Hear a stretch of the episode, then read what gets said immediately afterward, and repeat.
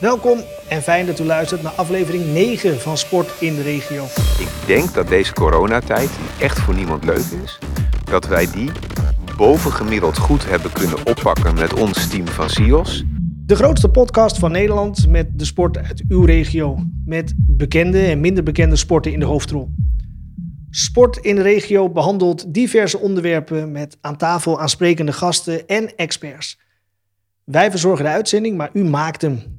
Misschien heeft u wel een opmerking of een suggestie naar aanleiding van een eerdere uitzending. Of zou u het leuk vinden dat wij op locatie komen opnemen?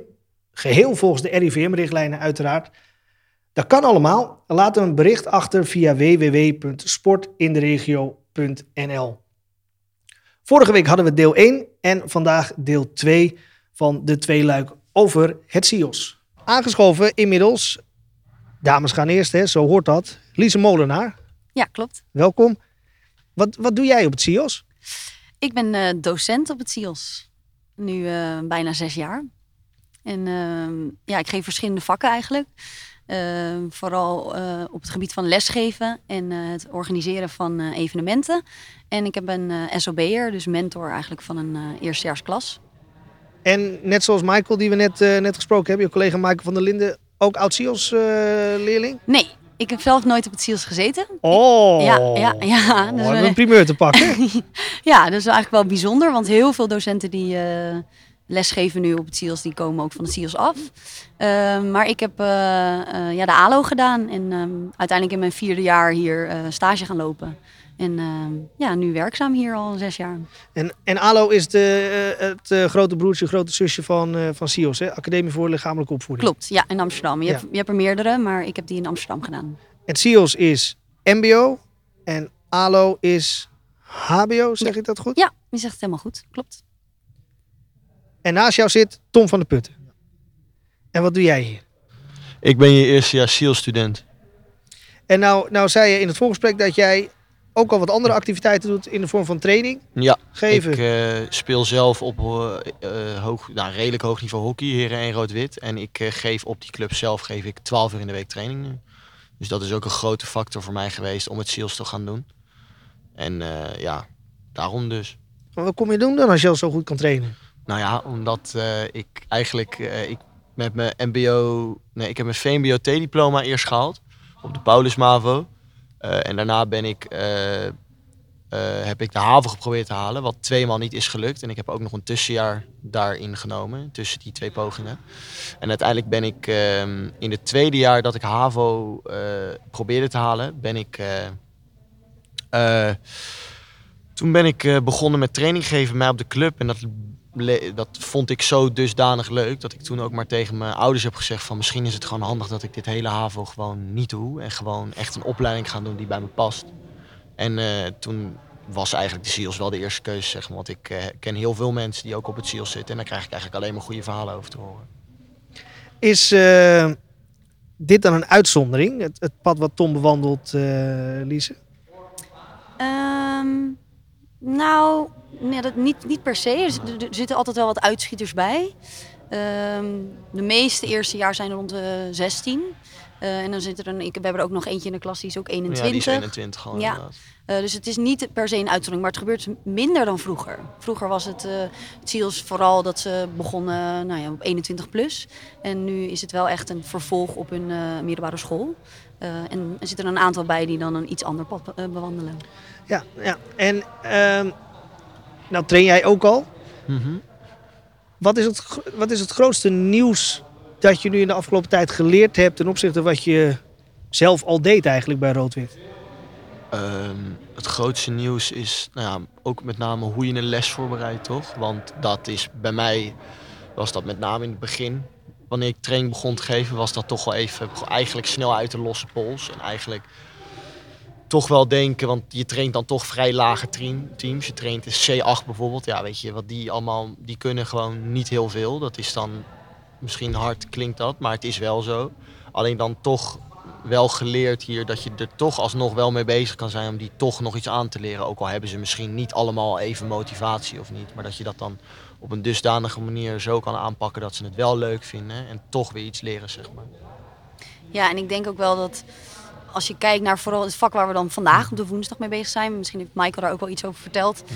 dat, eh, dat ze dan de theorie erachter, eh, vooral ook in, op een stage, en Tom loopt ook toevallig stage bij Rood-Wit, eh, dus eigen club, eh, dat hij dat kan toepassen. Van oké, we zijn met bepaalde modellen bezig en dat hij dan eens denkt, hé, hey, dat is eigenlijk waar ik altijd al in mijn training ook al mee bezig ben geweest. Dat ze het gaan herkennen, dat merk ik vooral. Het valt ergens op zijn plek dan. Nou, precies. ja. daarom. Ja, En doen jullie tijdens de opleiding überhaupt veel uitwisselingen, ook met bestaande trainers van diverse sportclubs? Kom eens langs, kom eens wat vertellen.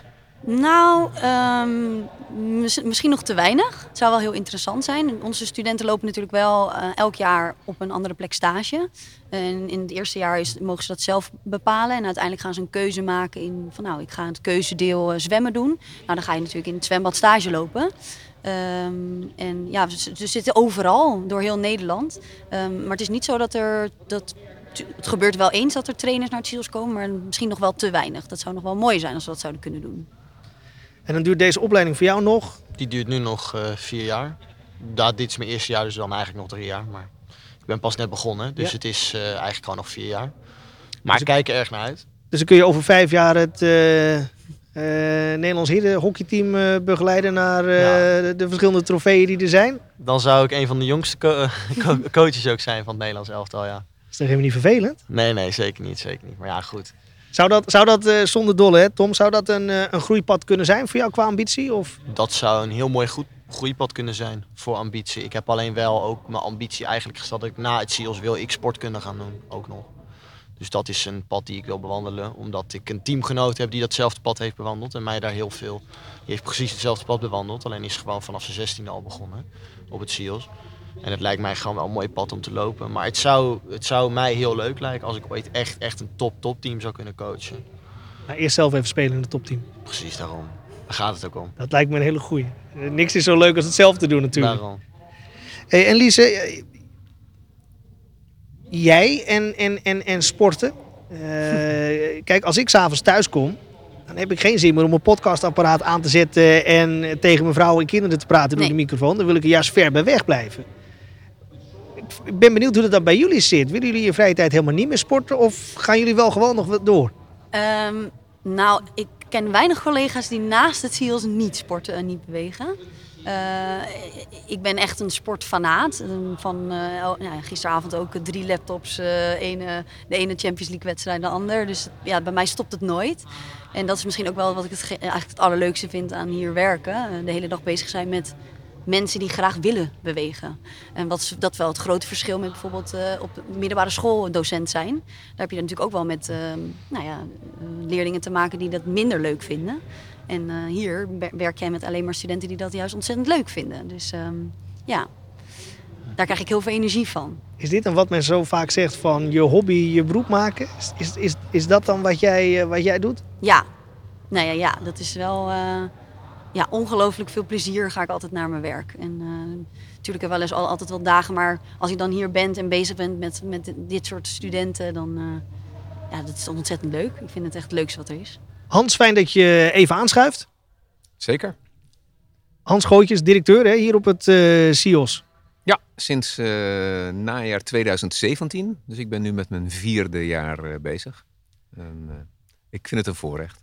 En een van jouw eerdere banen was technisch directeur bij de KNGU. En ik vond dat je in, de, in een van je interviews in de Volkskrant een ontzettend mooie quote gebruikt hebt. Topsport gaat over het verleggen van grenzen. Maar grensoverschrijdend gedrag is op geen enkele manier goed te keuren.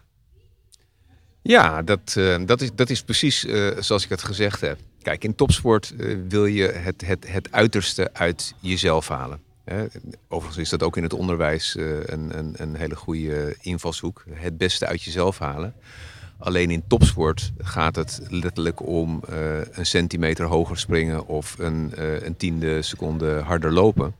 Terwijl het in onderwijs meer gaat om het creëren van een excellente omgeving waarbinnen iedereen het beste uit zichzelf kan halen. Dus dat is niet een absolute maat, maar een relatieve maat. Maar in topsport ehm, eh, heb je als opdracht, en laat ik dan eh, het voorbeeld van het KNGU topsportprogramma pakken, om alle omstandigheden en alle voorwaarden zodanig in te vullen dat die maximale prestatie ook geleverd kan worden. En misschien mag ik het doen aan de hand van een voorbeeld. Zeker. Uh, in 2012 uh, was Epke Zonderland uh, de enige mannelijke kandidaat vanuit de KNGU in het turntoernooi van de Olympische Spelen. En ik ben toen vooruitlopend op dat evenement uh, op en neer naar Londen gevlogen. Om uh, met eigen ogen uh, te zien en ook te ervaren hoe de huisvesting ter plekke was. En in de contacten met NOC-NSF ja, was het niet een uitgemaakte zaak dat alle sporters op een eenpersoonskamer zouden kunnen liggen. Want ja, er waren natuurlijk heel veel sporters en veel meer meerpersoonskamers dan eenpersoonskamers toch was het mijn overtuiging dat voor iemand als Epke het essentieel was om juist die rust te kunnen pakken in aanloop naar zijn maximale prestatie. Dus uh, uiteindelijk was mijn bezoek daar aan Londen en mijn overtuiging richting uh, de mensen van de NOC-NSF zodanig dat uiteindelijk dat hele kleine stukje in de voorbereiding uh, gelukt is. Nou, daarnaast hebben we nog wel andere voorbeelden van dat zijn stretching coach twee keer naar Londen kon komen. En in de aanloop hebben we natuurlijk van alles en nog wat gedaan. En het mooie was, toen uh, op de dag van 7 augustus 2012, die vergeet ik nooit, zaten Epke, de fysiotherapeut Niels Hagen, zijn coach Daniel Knibbeler en ik in de bus vanuit het Olympisch dorp richting de O2 Arena. En Epke die keek ze om zich heen en wij keken om ons heen en we, we concluderen met z'n vieren, we hebben niks laten liggen in de voorbereiding. Dus we hebben alles gedaan en hij moest het alleen zelf nog even waarmaken. Tussen aanhalingstekens. En werd Olympisch kampioen. Nu het andere deel van je vraag. Het grensoverschrijdende gedrag. Uh, sport gaat primair om fair play. het is, het is een, een, een, een, vergelijking van sporters of teams met uiteindelijk uh, ja, de, de ultieme vraag: wie is de beste op dat moment? En daar past wel bij dat je dat binnen bepaalde uh, kaders uh, doet. Dus vals spelen, in de meest brede zin van het woord, is niet toegestaan. Een motortje uh, op je fiets of, of andere schoenen, terwijl iedereen op bepaalde schoenen of de, de, de zwemkleding waar in de tijd discussie over was. Zo heeft iedere tak van sport wel een aantal van die, nou ja, bijna uitwassen, die ervoor zorgen dat de competitie niet meer eerlijk is. Um, en dan heb ik het echt over vals spelen en fair play. Daarnaast heb je natuurlijk ook andere zaken als uh, het gebruik van uh, prestatiebevorderende middelen, doping. Ja, dan, dan is het niet eerlijk meer. En dan heb je een ander soort competitie. Dus vandaar mijn quote: je, je, je, zoekt de, de randen op waarbinnen je nog kunt presteren, maar je gaat nooit over de rand heen. Nee, en dat, dat ik vind een hele mooie quote, maar ik vind ook de toelichting die je geeft heel treffend. Uh, je hebt het ook over het niet vals spelen. Dat kun je inderdaad doen door middel van doping of een motortje of andere schoenen of andere kleding. Maar je kan het ook doen door iemand op een hele valse manier van zijn of haar eh, focus af te halen. Mm -hmm. daar zit natuurlijk een hele dunne lijn tussen. Tussen iemand indringend in de ogen aankijken en sportief jou proberen van je pad te brengen. Ja. Of wat je nog wel eens in de kleedkamers hoort, een aantal uh, ofwel racistische of uh, vervelende opmerkingen te maken over noem het allemaal maar op. Nou, laat, laat ik, laat ik van, van beide één of twee uh, voorbeelden noemen. Het, het, is van oudsher. Uh, ik geloof dat uh, Inge de Bruin dat in der tijd gezegd heeft, maar misschien ook nog wel voorgangs. Ik denk zelfs Ada Kok nog, 1968 Mexico. Uh, hoorde ik haar in een interview zeggen dat de, de zwemster in de baan naast haar zeg maar in het water spuugde op de plek waar Ada Kok het water in moest duiken. Ja, dat is natuurlijk intimideren. Uh, het Nieuw-Zeelandse rugbyteam met de hakka, dat is ook een vorm van intimidatie. Nou, ga er maar uh, voor staan hoor. Dat, ik, ik, ik was in Indianapolis in 2002, was toen directeur van de basketbalbond. En Nieuw-Zeeland speelde tegen, ik dacht Argentinië, de latere wereldkampioen. Niet Amerika in eigen huis. En, en die sporters die wisten niet wat, wat hun gebeurde. Die deinsden echt terug. Dus dat was letterlijk intimidatie, maar niet over de grens. Hè. De afstand bleef bewaard. Nou, zo heb je natuurlijk ook uh, boxers die van, van tevoren elkaar ja, behoorlijk uh, het leven zuur maken, verbaal. Om uiteindelijk, hè, Cassius Clay, Muhammad Ali in der tijd, maar uh, ook Badr Hari tegen Rico Verhoeven. Ja, dat is toch een gevecht. Testosteron spat eraf. Ja, maar dat mag. Hè. Dat, dat is onderdeel van, van, van, van het spel. En Erik ten Hag die gisteravond zegt van ja, we spelen tegen de beste ploeg van de wereld. Dat hoort allemaal bij het spel. Dat is mooi. Ehm, Ja, maar op het moment dat we echt grenzen overgaan en, en andere mensen gaan beledigen op basis van huidskleur, geaardheid of, of welk ander kenmerk dan ook. Ja, dat is uit den boze. Maar niet alleen in de sport uit den boze, dat is sowieso maatschappelijk uit den boze. En in sport wordt het uitvergroot. En misschien is daarom juist de sport wel een heel mooi medium, podium om dat aan de kaak te stellen. Want op het moment dat een sporter of een coach, of in ieder geval een, een, een, een, een populaire, bekende Nederlander uh, dat uitspreekt, heeft het meer impact. Absoluut, absoluut. En, en ik denk dat we aan, een, uh, aan de vooravond staan van misschien wel een verandering. Ik, uh, in, in voorbereiding hierop heb ik eens even gekeken naar de dames van de Oranje Vrouwen. Dan heb je het over voetbal? Over voetbal, ja. ja.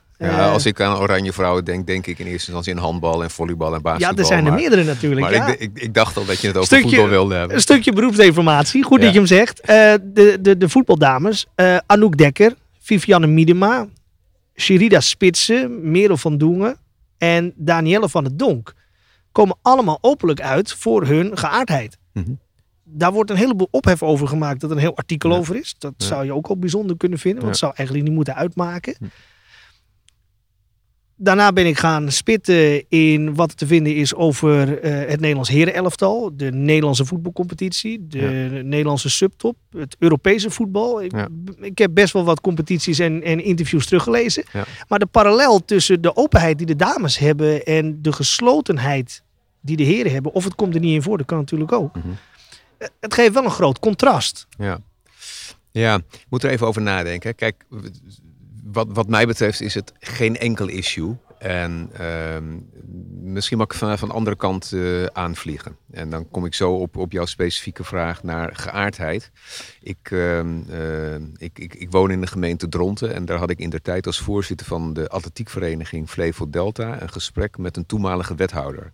En in het kennismakingsgesprek, waar mijn ambitie was om van de gemeente geld te krijgen voor extra uh, verlichting, stelde die wethouder mij de volgende vraag. Letterlijk, hoeveel allochtone leden hebben jullie? En ik keek haar aan. Ik vond het een verbazingwekkende vraag. Zij stelde die vraag vanuit haar achtergrond, want ik, ik, ik vroeg wel door, dat zij zowel sport als allochtone beleid in het pakket had. Ik zeg van ja, maar dat vind ik een hele vreemde vraag wij, wij, wij selecteren niet of, of registreren niet op afkomst of geaardheid of wat dan ook. Uh, het enige waar we op registreren is leeftijd, omdat je in een bepaalde leeftijdscategorie moet worden ingedeeld en contributie eraan gekoppeld is. Dus voor mij is, is, is uh, diversiteit, want dat vind ik volgens mij het, uh, het sleutelwoord, zo'n vanzelfsprekendheid. Ik ben opgegroeid in de basketbalsport waar uh, zwart, wit, uh, kleur uh, kenmerk is van de sport. En, en men spreekt zich daar ook over uit. Ehm, dus ja, voor mij persoonlijk is het, is het geen issue. Ik probeer me dan even te verplaatsen in wat dat maatschappelijk betekent. En specifiek jouw vraag waarom het dan bij de dames meer openlijk lijkt te zijn dan bij de heren. Misschien is het ook een kwestie van tijd. Want ik, ik, weet niet zeker dat als we twintig jaar geleden de kranten bekeken zouden hebben, of de dames ook meer openhartig zouden zijn dan dat ze nu zijn. Ik, ik ben een groot fan van het blad Helden. En uh, nou, daar, daar staan ongelooflijk veel mooie rapportages, reportages in. Mooie verhalen, ja, absoluut. Juist ook, juist ook rond, uh, rond dit thema. Ehm, ja, op zich zou je denken, waarom moeten we daar nog expliciet aandacht aan besteden? Maar als het op zo'n mooie manier in beeld brengen van ehm, nou ja, een, een, een, een, maatschappelijk fenomeen uh, en het helpt daarmee om anderen te stimuleren, ook voor hun geaardheid uit te komen. En wellicht over tien jaar ook, nou ja, sportbreed. Hè? Dus ook eh, de mannen binnen de sport. Ja, dan, dan juich ik dat alleen maar toe. Uh, volgens mij in hetzelfde blad stond, uh, ik heb nog niet gelezen, maar ook een, een mooi artikel van twee sporters. Volgens mij iemand, uh, een mannelijke korfballer en nog een andere tak van sport. Waarin ook nou ja, op een hele mooie manier geportretteerd werd. Wat toch de, de, de, de beperkende randvoorwaarden zijn om daar open over te kunnen zijn. En dat is natuurlijk wel triest, dat je niet mag zijn wie je bent. Tenminste binnen de sportomgeving opeens even niet mag zijn wie je bent. Terwijl je dat in, je- in, je, ja, in je dagelijks leven natuurlijk vanzelfsprekend wel bent. En terwijl het heel erg van belang is. Want in het begin van je verhaal sprak je over het belang dat Epke alleen op zijn kamer sliep. Want dat was voor hem een gunstige omgeving Ja. en situatie. Ja. Ja, je moet toch ook jezelf kunnen zijn. Want dat zorgt dan toch bij uitstek dat je in een veilige omgeving bent waar je het beste tot je ik- recht komt. Ik, ik, ik denk dat het voor iedereen eh, geldt. Jezelf kunnen zijn, ja, dat, dat is voorwaarde om, om, om eh, waar dan ook hè, in, in, in eh, persoonlijke relaties, op school, eh, binnensport, in de maatschappij. Je moet jezelf kunnen zijn. En op het moment dat je jezelf bent, ja, dan kun je ook iets betekenen voor, voor anderen.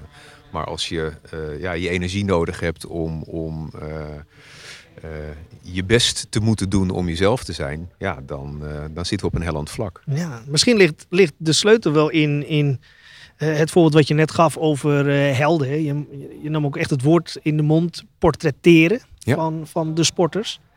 Misschien dat dat wel de juiste koers is. Om gewoon geen verschil meer te maken of hoe de gezinssituatie is. Of, of de sporter met zijn vrouw en kind op de bank zit. Of dat de sporter met zijn vriend thuis op de bank zit. Ja, maar het, Het verhaal erachter is natuurlijk veel belangrijker dan er een labeltje op te moeten plakken. Ja.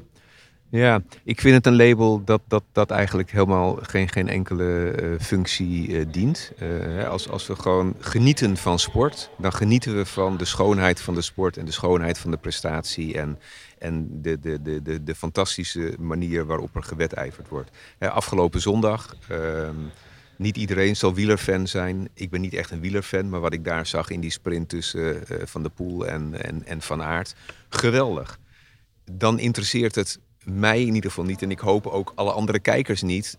Wat dan vervolgens eh, eh, de, de persoonlijke leefomgeving van Van Aert of Van de Poel of wie dan ook is. Het gaat daar om die sportbeleving, om dat mooie moment.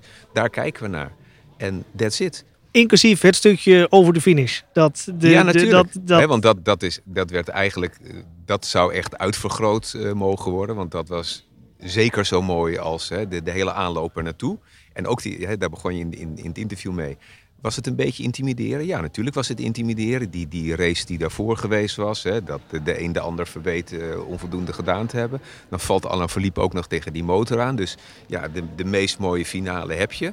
Eh, letterlijk getergd, eh banddikte verschil. Maar dan wel even de kameraadschappelijkheid laten zien aan de andere kant van de finish.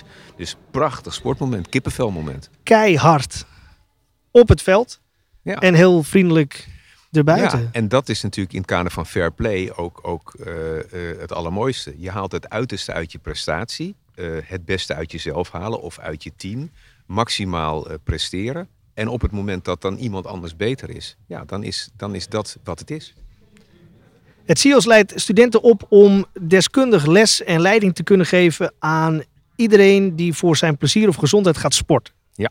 Naast sport en spel en het lijf kan ik me ook voorstellen dat het onderwerp waar wij het over hebben, ethiek, een onderdeel is van jullie lesprogramma. Ja. Op, op welke manier valt dat daarin op zijn plek? Kijk, wat, wat, wat wij dagelijks doen met, met een geweldig team van, van 100 collega's van het CIOS. Ik kan het niet vaak genoeg eh, benadrukken. Het is echt een voorrecht om eh, met, eh, met, met dit team te mogen werken. Ehm, zijn wij bezig om jonge mensen eh, op te leiden. Enerzijds tot, tot professional in, in de beroepspraktijk. eh, op, het, op het brede veld van sportbewegen, gezondheid, vitaliteit. Eh, dat is zeker in deze tijd, waarin bewegingsarmoede en, en nou al helemaal in de coronatijd eh, het, het belang van bewegen zo groot is. nou ja, de opleiding zou ik haar zeggen. Ehm, eh, de, de, de andere. ehm, ik ben even kwijt wat ik, wat ik daar nu over wilde zeggen.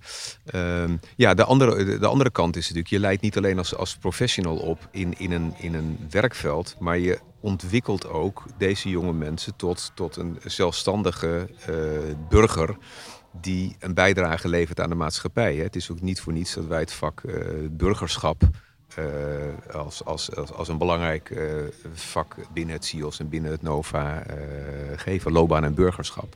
Dus je ontwikkelt de, de, het, het, het jonge individu als mens. je helpt ontwikkelen. Hè. Ze doen het natuurlijk zelf, maar je, je, je geeft wel impuls, je geeft voorbeeld. Voorbeeldgedrag is belangrijk. maar zij zijn direct de ambassadeurs richting alle groepen en individuen waar zij mee aan het werk zijn. Dus wat wij in die opleiding proberen mee te geven, ja, dat vertaalt zich één op één terug in hun verdere carrière. Het zij binnen de beroepspraktijk van de sport, het zij binnen waar ze dan ook uh, terechtkomen in de maatschappij.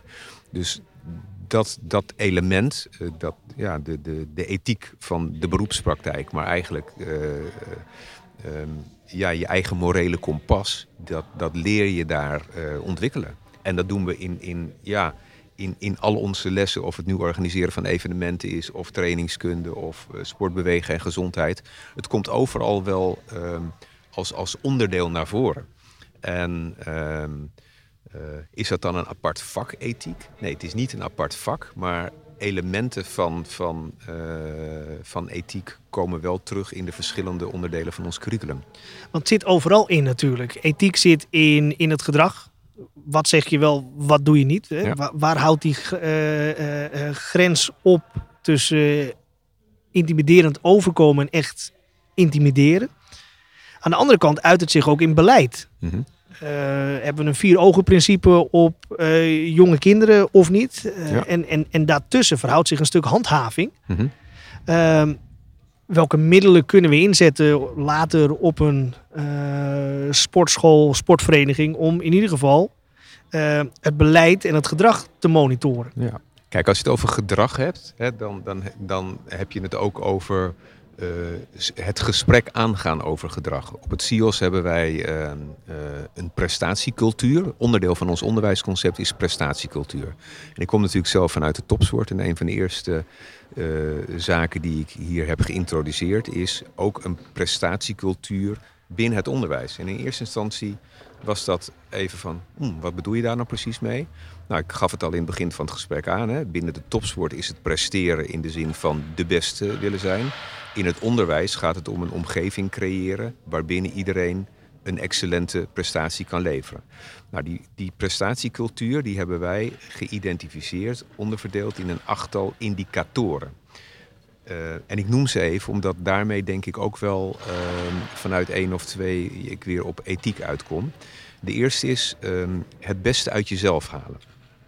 Nou, die heb ik net al toegelicht. Tweede, hoge verwachtingen stellen. Ehm, hoge verwachtingen stellen, niet alleen in, in, in, in presteren, in resultaten halen, in je tentamen halen, maar ook hoge verwachtingen stellen in de zin van hoe, hoe, hoe gedraag je je hè, in, in, in, een, in een omgeving. Uh, drie is uh, confrontatie durven aangaan. Hele belangrijke, want ja, je zou ook kunnen zeggen het gesprek durven aangaan. Op het moment dat hier een docent iets waarneemt waarvan hij denkt van hé, hey, dit riekt naar grensoverschrijdend gedrag, in welke zin dan ook, dan gaat die docent daarover de confrontatie aan. Uh, voert het goede gesprek, um, confronteert de betrokkenen daarmee, laat in de spiegel kijken, laat reflecteren, geef feedback. En daarmee uh, wordt het ook bespreekbaar. Dus we stoppen het niet weg. We, we, veroordelen het ook niet in de zin van, uh, hè, zoals je dat uh, met kleine kinderen misschien wel eens doet, je mag het niet doen. Nee, we hebben juist een, een open houding, gaan het gesprek erover aan. Nou, dan hebben we verantwoordelijkheid nemen als, uh, als vierde. Hele goeie. Natuurlijk niet iets wat uniek is voor, voor de prestatiecultuur van het CIOS. Maar in, in, in de maatschappij zou ik hopen dat veel meer, meer mensen hun verantwoordelijkheid nemen. Maar wat is dat dan? Daar moet je het met elkaar over hebben. Want die prestatiecultuur heeft niet alleen, uh, is niet alleen van toepassing op docenten, maar ook op studenten. En we hebben ook daar onderling het gesprek over. Nou, de vijfde is wel een mooi voorbeeld. Dat heet afspraken nakomen. Als wij vinden dat studenten op tijd moeten zijn of een mondkapje moeten dragen hier in de gang. En een, een docent die loopt wel tegen de richting in zonder mondkapje. Ja, dan kom je afspraken niet na. Dus daar, daar, daar zie je dan ook op het CIOS dat een student dat bespreekbaar maakt. Want hij of zij vindt dat op dat moment, nou dan. Het, het heeft een wisselwerking, docent Tuurlijk. naar leerling en leerling versus docent. Zo is het. Mooi. Nou, de zesde is mentaal weerbaar zijn. Die, die zit een beetje tegen confrontaties durven aangaan. Eigenlijk zijn het groepjes van twee. Hè. Het uit jezelf halen, hoge verwachtingen stellen. Mentaal weerbaar zijn, confrontatie durven aangaan. Verantwoordelijkheid nemen, afspraken nakomen. En dan het laatste groepje van twee, dat is positiviteit uitstralen. Dat is echt kenmerkend voor het CIOS. Ik was zo super trots op dit team. Op 16 maart hadden we de lockdown, op maandag. Dat hoorden we vrijdagavond om 11 uur. Op dinsdagochtend, en ik kijk even met een schuin oog naar rechts, want het is de groep van eh, Jeroen Scheffer. Ja. Op dinsdagochtend om kwart over acht zaten 24 van de 24 niveau 2 leerlingen eh, achter hun laptop via Teams de eerste les eh, van die week te doen. Nou, dat vind ik geweldig. Hè? Dat is mentaal weerbaar zijn. Eh, dat is eh, nou ja, even de SEALS-mentaliteit laten zien. Positiviteit uitstralen. Oké, dit kan even niet, maar wat kan er allemaal wel? En de laatste, en die is ook heel erg van toepassing op corona. Accepteren dat het niet altijd leuk is. En dat, dat is zo. Hè? Ehm, eh, niemand heeft 7 keer 24 uur per dag de wind mee. Er zijn altijd wel dingen die even tegenzitten. Het regent, eh, de bus is niet op tijd. Eh, nou ja, corona, dat is niet even niet leuk. Dit heeft een enorme impact op, op, op, op iedereen.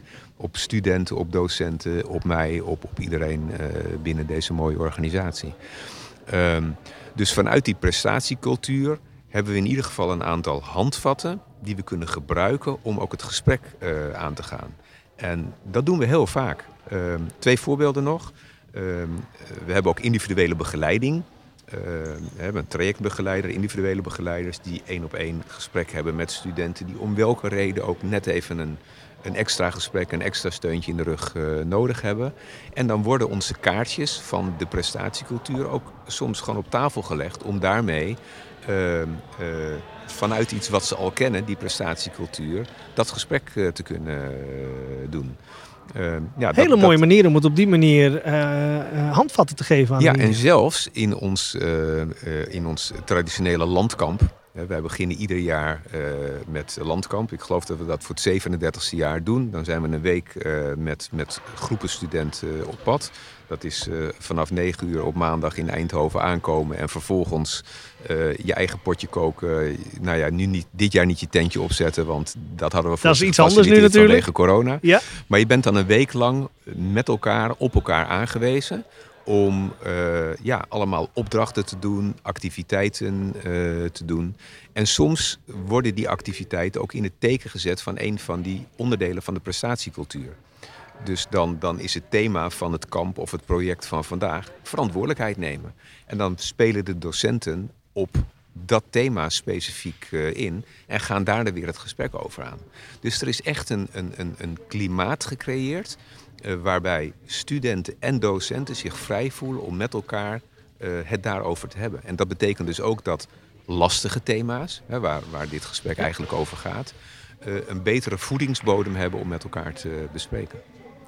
En, en daarmee geeft het ook de juiste hulpmiddelen of de juiste sturing om een oordeel ergens over te vormen. Hè? Want ethiek is uiteindelijk niks anders dan eh, een waardeoordeel over iets wat wel kan en niet kan. En als Zeker. je met elkaar daar continu over in gesprek Ja. blijft. En ja, dat kan niet anders dan met deze acht, eh, acht onderdelen. Ja, en, en, en daar, zal, daar is nooit een absolute waarheid. Hè. Normen en waarden, daar, daar zit natuurlijk een, een, een, een subjectief element per definitie al in. Maar respect hebben voor elkaars eh, eh, eh, opvattingen, ja, dat is wel een basis om, om in een samenleving of in een sportsamenleving of in een onderwijscommunity met elkaar goed te kunnen functioneren. Ja, en de respect hebben voor elkaar is, is de veel diepere laag dan, dan wat daarboven nog wel eens zit. Want Respect is, is, is super belangrijk. Deze manier van interviewen hadden we een aantal jaren of misschien wel twintig jaar geleden niet kunnen doen. Dan, Mhm. dan had ik je niet mogen tutoyeren. Mhm. Eh, maar het gaat om de onderliggende laag van respect die je hebt en, en, en de interesse in de ander. En dat, Absoluut. ik denk dat dat belangrijker is dan de, dan de vorm die er omheen hangt. Ja. Hoe lang nog voordat, eh, voordat in de maatschappij deze acht eh, handvatten die je net aangereikt hebt, overgenomen worden? Ja, ik weet niet of, of, of, iedereen het moet overnemen. Kijk, want wat, wat de, de elementen van de prestatiecultuur voor het SIOS zijn, hoeft dat niet te zijn voor een andere opleiding binnen het Nova College of een ander SIOS in Nederland. Ja, waarom niet? Nou, het hoeven niet precies deze acht te zijn. Waar het mij om gaat, is dat je met elkaar nadenkt over wat een, een, een, een, een goede set aan randvoorwaarden is. Om met elkaar ehm, de cultuur in een organisatie vorm en inhoud te geven. En ik ben van mening dat binnen elke organisatie, of dat nou een sportopleiding is, of een appelmoesfabriek of een, een, een, een, een, KGU, je hebt met elkaar een aantal handvatten nodig waar je op kunt terugvallen. Nou, het boek van Tom Boot is net uit. Misschien wel mooi. Tom Boot is mijn, mijn coach geweest bij het Nederlands juniorenteam. Uh, hij woonde bij me in de straat uh, vroeger. Hij heeft, hij heeft met mijn ouders nog op pleintjes gebasketbald. Ik ben een enorme fan van Tom Boot. Tom Boot heeft het eigenlijk over cultuur. hij zegt, ehm, ik, ik doe een aantal dingen maar paar hele simpele dingen, maar die doe ik heel erg goed. En daar ben ik super consequent en duidelijk in. En dat betekent dat als je bij Ton te laat komt, ja, dan heb je een groot probleem. Ton is de enige coach waarbij, als hij zei je moet tien keer op en neer lopen van lijn tot lijn, je dat voor de zekerheid elf keer deed. Om maar te voorkomen dat, dat hij de indruk had dat je het negen keer deed. En je ging minimaal op die lijn staan, maar meestal er iets overheen voordat je weer terugging kleine dingetjes. Ik herinner me een wedstrijd. Het was de wedstrijd Engeland-Nederland. Uh, Nederlands juniorenteam tegen Engeland. En de eerste wedstrijd tegen Schotland was ik niet zo heel goed. De tweede wedstrijd tegen Engeland was ik behoorlijk goed. Waardoor ik veel speeltijd ging krijgen in die derde wedstrijd. Ik werd topscorer met 22 punten. Ik onthoud het nog. Maar ik maakte op een gegeven moment een domme persoonlijke fout. Ja, een domme persoonlijke fout bij Tom Boot, dat is gewoon een no-go. Dus ondanks dat ik eigenlijk niet gewisseld zou moeten worden. Een andere coach had mij niet gewisseld. Maar Ton was daar heel helder in. Ik ging naar de kant. Bleef niet heel lang zitten. Dan had me wel nodig in die wedstrijd. Ja, dat, dat is dus de cultuur die hij opbouwt. En alle mooie voorbeelden die hij in zijn boek geeft en in zijn interview schreef. Die Amerikaan die in Groningen komt en ja, eh, een beetje dacht de Amerikaan te kunnen uithangen. Ja, Ton stuurde hem dezelfde dag weer terug op het vlieg, uh, vliegveld. Dus iets hebben van een, van een cultuur, een uitgangspunt, een kompas. Dat is superbelangrijk. Want in lastige tijden kun je daarop terugvallen.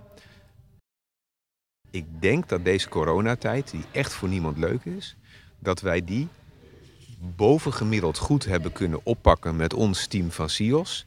Omdat we met elkaar geleerd hebben, uh, nou ja, dat het dat je soms moet accepteren dat het niet altijd leuk is. En dat we die positiviteit blijven uitslaan. En dat iedereen zijn verantwoordelijkheid neemt. Om toch, ondanks de omstandigheden, er het beste van te maken. Dank voor dit openhartige en leuke interview. Heel graag gedaan. Leuk om te doen.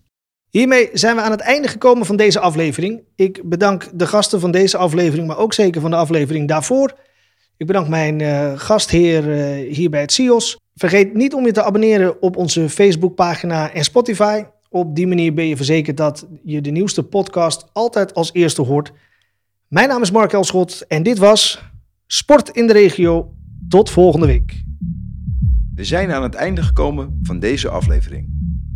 Deze podcast wordt gedistribueerd door Coroscan Marketing Partner. Productie van de podcast is in handen van Aaron Veraard. Presentatie Mark Elschot en co-host Ben Davidson. Voor vragen over partnerships en advertenties, mail met Jan-Willem Talen of Mike Wijsters. Het e-mailadres vindt u in de beschrijving van deze aflevering. Heeft u zelf vragen of opmerkingen? Mail ons op studio.sportinderegio.nl